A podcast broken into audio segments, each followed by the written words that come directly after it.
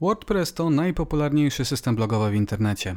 Średnio już co trzecia strona korzysta właśnie z tego systemu do obsługi swoich treści. Jednak przez te lata wokół tego narzędzia narosło wiele mitów. Czy WordPress jest bezpieczny? Czy korzystanie z niego niesie ze sobą jakieś konsekwencje? Ja jestem Kacper Szurek, a to kolejny odcinek podcastu Szurkogadanie, w którym postaram się odpowiedzieć na te pytania. Jeżeli materiały tego rodzaju Ci się podobają, zapraszam do dołączenia do grupy od zera do Pentestera na Facebooku, gdzie dzielimy się swoją wiedzą na temat bezpieczeństwa. Zaczynajmy. Aby odpowiedzieć na postawione w tytule pytanie, spróbujmy prześledzić liczbę podatności, które odnaleziono w całym ekosystemie. Skorzystam z tego celu ze strony WP Scan Vulnerability Database, która jest agregatorem wszystkich błędów, jakie są obecnie znane, a dotyczą tego systemu. Na stronie głównej możemy wyczytać, że obecnie skatalogowano ponad 14 tysięcy błędów. Dużo jak na jeden skrypt. Na podstawie tych tylko danych możemy zatem odnieść złudne wrażenie, że wykorzystanie WordPressa do budowania swojej marki w internecie może nie być najlepszym pomysłem. Ale jak jest w rzeczywistości? Podatności na tej stronie zostały podzielone na trzy główne kategorie. Pierwsza podatności w samym WordPressie, tak zwanym core, czyli silniku strony. Dalej, podatności w rozszerzeniach lub pluginach, czyli dodatkowych funkcjach, które doinstalowujemy do naszej strony, aby uzyskać dodatkowe opcje i możliwości. Oraz ostatnia, czyli błędy w tematach, kawałkach kodu odpowiedzialnych za wygląd naszej witryny. Rozpatrując bezpieczeństwo z uwzględnieniem tych kategorii, sytuacja wygląda zgoła inaczej. Okazuje się bowiem, że ostatnia znana podatność pochodzi z marca. Jest ona oznaczona jako atak XSS przy użyciu komentarza – krótkich słowach, XSS pozwala na wykonanie złośliwego kodu JavaScript w obrębie naszej domeny. Tylko, że przechodząc do szczegółów tego błędu okazuje się, że aby wykorzystać ten błąd konieczne jest wykonanie kilku specyficznych punktów. Aby ktoś zaatakował naszą stronę, my, jako administrator, musimy się najpierw zalogować do panelu administratora. Następnie, będąc zalogowanymi, musimy przejść do złośliwej strony, która to dopiero wykona złośliwy kod. Wygląda to trochę jak atak socjotechniczny niż błąd sam w sobie, zwłaszcza jeżeli na naszej stronie wyłączone są komentarze. A to nie jest nic szczególnego, zwłaszcza na małych witrynach, które bardziej przypominają wizytówki z cennikiem i informacjami kontaktowymi niż duże portale internetowe. Wtedy to złośliwy atakujący musiałby przesłać nam odnośnik do zewnętrznej strony przy użyciu innej metody, np. poprzez e-maila. Co więcej, musielibyśmy ten link otworzyć, będąc jednocześnie zalogowanymi do serwisu. No dobrze, popatrzmy zatem na kolejny błąd. Tym razem z lutego i widzimy, że jest to code execution, czyli wykonanie kodu. Brzmi złowrogo i rzeczywiście jest to jeden z najgorszych rodzajów podatności, na jakie możemy się natknąć, ponieważ umożliwia wykonanie dowolnego kodu na naszej stronie, co oznacza, iż potencjalnie atakujący zdobywa pełną kontrolę nad naszym serwisem. Tylko, że tym razem mamy do czynienia z podatnością Authenticated. Tłumacząc to na język polski, aby tym razem ktoś mógł zaatakować naszego bloga, musi posiadać konto użytkownika w tym serwisie. Czytając opis tego błędu, okazuje się, iż w tym wypadku atakujący musi posiadać uprawnienia autora. A to jest bardzo rzadka sytuacja. Dlaczego? WordPress standardowo posiada kilka wbudowanych grup użytkowników. W zależności od tego, do jakiej grupy jesteśmy przypisani, otrzymujemy odpowiednie uprawnienia do wykonywania pewnych czynności. Autor to osoba, która może publikować i zarządzać własnymi wpisami. Jest to więc osoba, której administrator ufa na tyle, aby dać możliwość dodawania nowych treści do serwisu. Możemy więc założyć, że zwykłemu atakującemu ciężko będzie uzyskać dostęp do takiego konta. Nie może go przecież samemu założyć. Owszem, może pozyskać login i hasło, używając chociażby phishingu, czyli ataku, którym podszywamy się pod kogoś lub coś, aby uzyskać nieautoryzowany dostęp. Tylko, że phishing to nie podatność w WordPressie, a atak socjotechniczny. Mamy zatem dwie podatności, które na papierze wyglądają kiepsko, w praktyce jednak będą trudne do wykorzystania. Wychodzi więc na to, że od ponad pół roku nie opublikowano żadnej nowej krytycznej podatności w samym silniku. Skąd więc taka zła sława tego narzędzia? Chodzi o rozszerzenia, czyli pluginy. Są to dodatkowe kawałki kodu tworzone przez niezależnych twórców, które drastycznie zwiększają możliwości samego systemu. Śmiem twierdzić, że to właśnie dzięki nim WordPress jest tak popularny. Obecnie w katalogu pluginów znaleźć można ponad 55 tysięcy dodatków. To dzięki nim system ten nie jest tylko systemem blogowym. Przy pomocy paru kliknięć może stać się sklepem internetowym, galerią zdjęć czy też platformą społecznościową.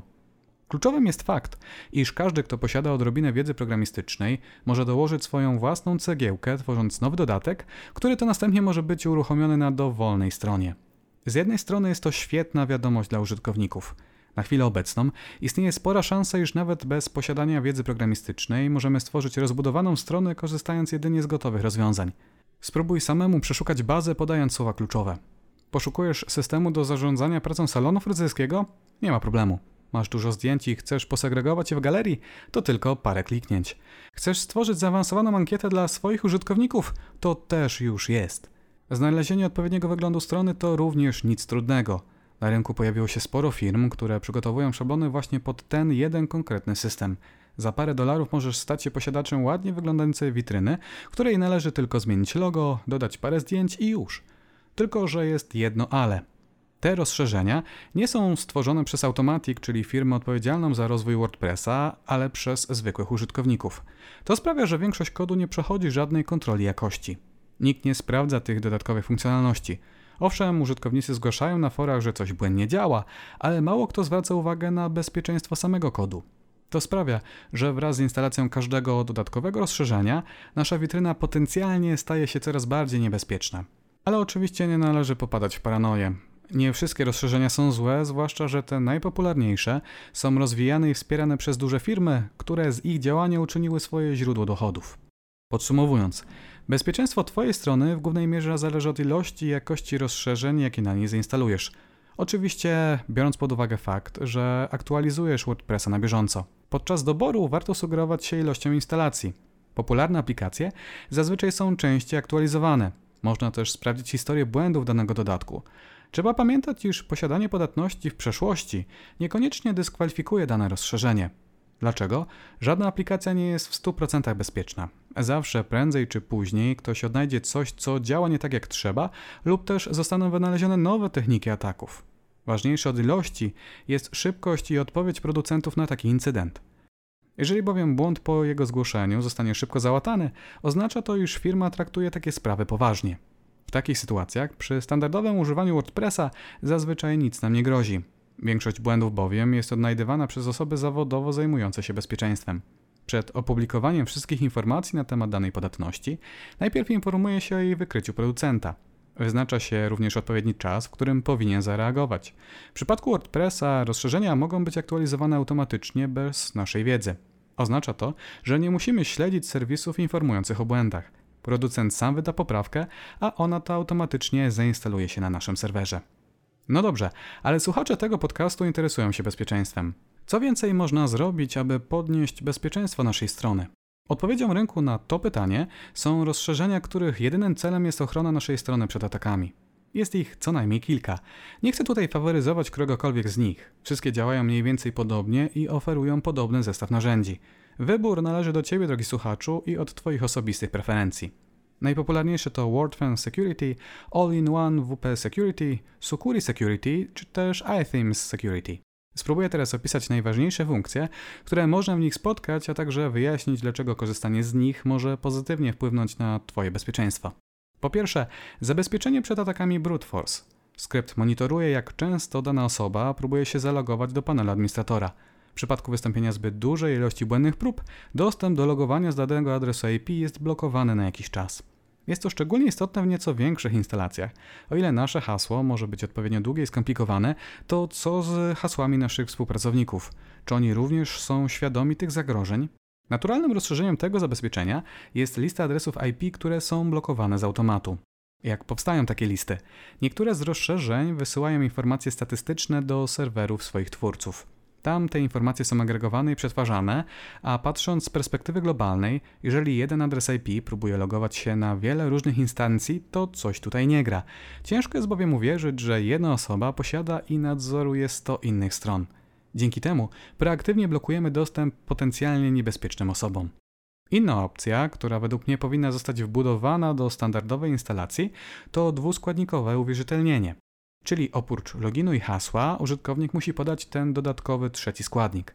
Tutaj opcje są różne. Może to być kod SMS, jednorazowy kod ze specjalnej aplikacji na telefon, czy po prostu przepisanie klucza z wiadomości e-mail.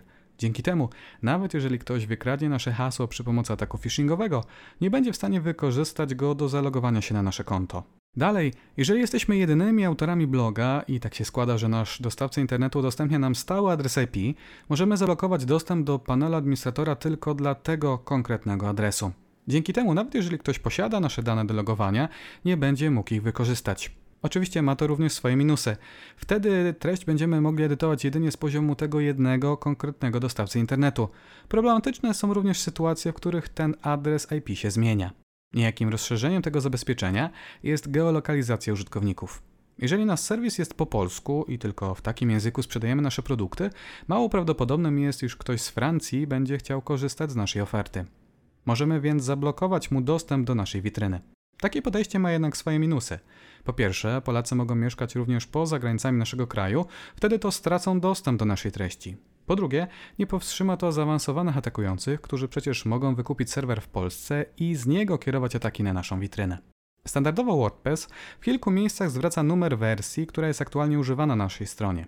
Jest to potencjalnie interesująca informacja dla atakujących. Jeżeli bowiem w przyszłości pojawi się jakaś nowa podatność na konkretną wersję WordPressa, będą oni mogli poszukać potencjalnych celów ataku korzystając z wyszukiwarek. One to zaindeksują ten numer wersji, z której korzystamy, warto więc usunąć i tą informację. Dalej, strona to nie tylko tekst, ale także pliki graficzne. Zazwyczaj są one przechowywane w specjalnie przeznaczonym do tego celu katalogu. W przypadku prawidłowo skonfigurowanego WordPressa, tylko te katalogi pozwalają na zapisywanie w nich nowych plików. Przez to zachowanie, to właśnie tam najczęściej trafiają złośliwe pliki w przypadku wykorzystania jakiejś podatności. Wykorzystanie luk bowiem zazwyczaj przebiega dwuetapowo. Najpierw zdobywa się dostęp do systemu, a następnie zapisuje w nim nowy plik PHP, tak zwany backdoor. On to przyjmuje komendę od atakującego, a następnie je wykonuje. Dzięki temu ktoś, kto raz uzyskał dostęp do naszej strony, nie musi za każdym razem korzystać z podatności, a odnosi się bezpośrednio do tego wcześniej wysłanego pliku. Jeżeli zablokujemy możliwość wykonywania plików PHP w katalogach z mediami, znacząco utrudnimy życie przestępcom. Będą mogli umieścić złośliwy plik na naszym serwerze, ale nie będzie on wykonywał komend, które do niego przekażą. Nie zawsze podatności bezpośrednio prowadzą do możliwości wykonania zdalnego kodu na atakowanym serwerze. Czasami uzyskuje się jedynie dostęp do konta administratora. Tylko, że w przypadku WordPressa jest to równoznaczne z możliwością wykonania dowolnego kodu. Dlaczego? Ponieważ posiada on wbudowany edytor plików. Dzięki niemu możemy z poziomu interfejsu webowego zmodyfikować dowolny plik szablonu czy rozszerzenia bez logowania się poprzez SSH lub też FTP. A ponieważ rozszerzenia to tak naprawdę pliki PHP, jeżeli możemy je edytować, możemy dodać do nich dowolny kod. Z jednej strony jest to duża wygoda dla administratora, ale z drugiej dodatkowy punkt dla atakujących. Można zatem wyłączyć tę opcję dodając stałą w pliku wp-config. Wtedy to modyfikacja plików poprzez edytor nie będzie możliwa. Inna ciekawa opcja to zmiana adresu pliku wp-login. Jeżeli bowiem chcemy się zalogować, korzystamy właśnie z tego adresu. Jest to więc swego rodzaju zabezpieczenie poprzez zaciemnienie. Możemy zmienić nazwę tego pliku na taką znaną tylko nam. Wtedy nawet jeżeli ktoś pozna nasze dane do logowania, nie będzie wiedział, gdzie je wpisać. Kolejna drobna przeszkoda przed atakującymi. Jeżeli Twoja strona to tylko prosta wizytówka, rozważ wyłączenie opcji rejestracji i komentowania. Jak opowiadałem na samym początku, sporo odnajdowanych podatności wymaga posiadania konta w serwisie. Jeżeli wyłączysz rejestrację, jedyną osobą posiadającą konto będziesz ty oraz inne upoważnione przez ciebie osoby. Zmniejsza się zatem wektor ataku, gdyż atakujący musiałby w inny sposób uzyskać dostęp do panelu administratora. Serwer powinien zostać skonfigurowany w taki sposób, aby nie wyświetlał listy plików, które znajdują się w danym katalogu. Możecie to uchronić przed zaindeksowaniem przez wyszukiwarkę plików, które znalazły się w katalogu przez pomyłkę. Niektóre narzędzia pozwalają sprawdzać integralność naszej aplikacji. Po ich zainstalowaniu tworzą one wewnętrzną listę wszystkich plików na naszym serwerze wraz z ich sumami kontrolnymi. Następnie cyklicznie, co zdefiniowany czas, cała procedura jest ponawiana.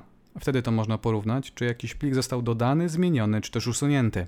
Dzięki temu, w ostateczności, jeżeli jakiś atakujący uzyskał dostęp do naszego serwera, jesteśmy w stanie dostrzec, jakie zmiany w nim poczynił. Na sam koniec warto wspomnieć o wersjach nulet rozszerzeń i szablonów.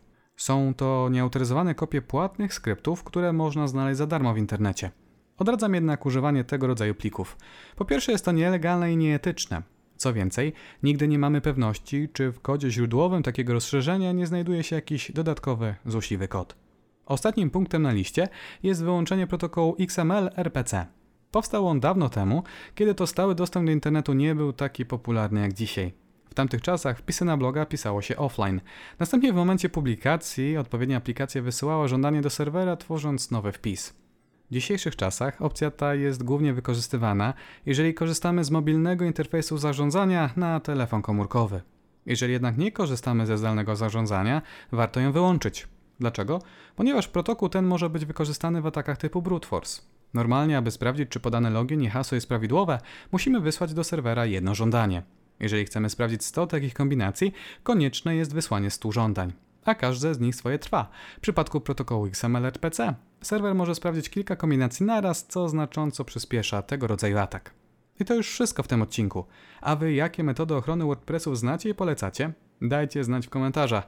A ja już dzisiaj zapraszam was do subskrypcji kanału i zostawienia łapki w górę. Do zobaczenia w kolejnym materiale. Cześć!